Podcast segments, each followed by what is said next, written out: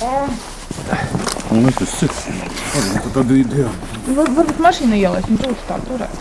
Pie trīsstāvu mājas Siguldā satieku Rūjiku ģimeni. Ar mani sarunāties iznāk gan Oksana, gan viņas vīrs Aldis, kurš uz pleca nes meitu Diānu. Viņai ir bērnu cerebrālā trieka, un pati Diāna pārvietoties nespēja, stāsta Oksana. Ikdienā mums jāiet ar Diānu uz visādām nodarbībām, pie ārstiem. Un, diemžēl mūsu kapņu telpa nav ne lifta, nekā, un mēs dzīvojam otrā stāvā. Mums tas bērns jānes uz rokām lejā un arī augšā līdz mašīnai. Viņa jau ir smaga. Dienā jau 8 gadi jau ir, svars jau 27 kg. Un ikdienā nu, man pašai tas jādara principā, katru dienu.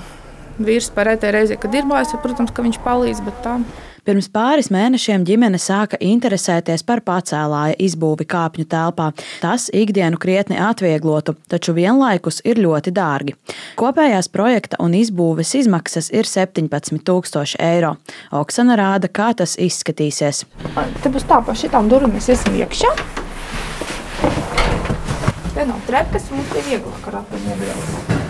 Un šeit, šeit būs tā platforma ar trepēm.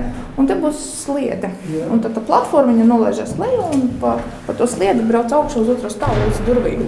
Un tur atkal mēs nobraucam nost un mēs viņu paceļam uz augšu, lai netraucē kaimiņiem. Ģimene lūdza palīdzību pašvaldībā, taču līdz pat intervijas dienai nezināja, vai un kādu palīdzību varēs saņemt. Turpina Siguldas sociālā dienesta vadītāja Kristīne Freiberga. Šobrīd ir jaunie saistošie noteikumi, kuri stāsies spēkā 1. janvārī, kurā jau mēs jau konkrēti noteicām pirmās un otrās invaliditātes cilvēkiem, kuriem ir kustību traucējumiem, un arī nu, konkrētu summu - 5000 eiro par vienu stāvu, kur viņi var pretendēt, jau plānojot šīs izmaksas.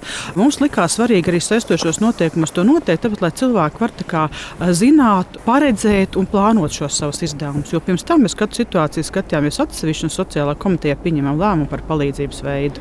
Tātad Rūjku ģimene no pašvaldības saņems 10 tūkstošus eiro, jo dzīvo otrajā stāvā.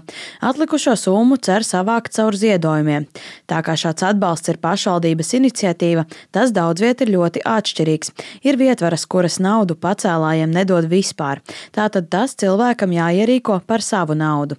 Tā izmaksas bieži vien ir 11 tūkstoši eiro, un tā kā to nespēja samaksāt, ļaudis nereti savu dzīvi pavada iesprostoti mājās. Vienlaikus ir pašvaldības pašvaldības, kuras sniedz atbalstu pat 15,000 eiro apmērā, piemēram, Liepāja.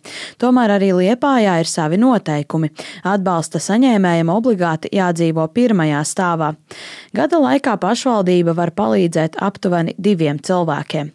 Taču Rīgā atbalsts ir 5950 eiro, un tāpat kā visur citur, to var saņemt tikai vienu reizi. Vairāk stāsta ziedot LV vadītāja Rūta Dimanta. Lielākā daļa pašvaldības piešķir tikai pusi no vajadzīgā finansējuma. Un skaidrs, ka cilvēki, kuri nestrādā, kuriem pirmā invaliditātes grupa noteikti un saņem šo invaliditātes pensiju, nevar apmaksāt šādus pakalpojumus. Tas, manuprāt, ir ļoti negodīgi un nehumāni pateikt, ka pašvaldība piešķirs palīdzību pacēlāju izbūvēi 5000 eiro, bet jums pašam ir jāsameklē 6000 eiro. Nu, pilnīgi skaidrs, ka cilvēks šo palīdzību nesaņems un tiks ietaupīti pašvaldības līdzekļi. Pašvaldība beigās pateiks, bet mums nav neviens gadījums, kurš grib, lai viņiem piešķir šos līdzekļus. Ziedot LV palīdzību pacēlāja uzstādīšanai lūdz vidēji 5 cilvēki gadā. Dimanta skaidro, ka valstī ir jābūt vienotai pieejai, kā pašvaldības šo atbalstu sniedz. Tikmēr labklājības ministrijā par to, vai un cik lielu palīdzību ļaudīm ratiņkrēslos vietvarās sniedz, nav nejausmas.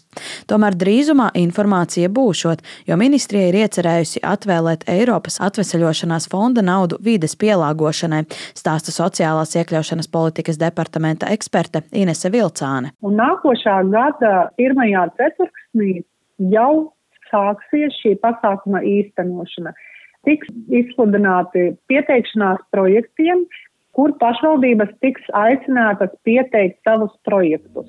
Plānots, ka palīdzību varēs saņemt 259 personas, katrs pa 12 tūkstošiem eiro. Kopā pasākumam paredzēti 3,4 miljoni eiro.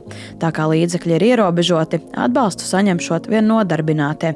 Tātad nestrādājošiem cilvēkiem ar invaliditāti šī problēma nebūs atrisināta.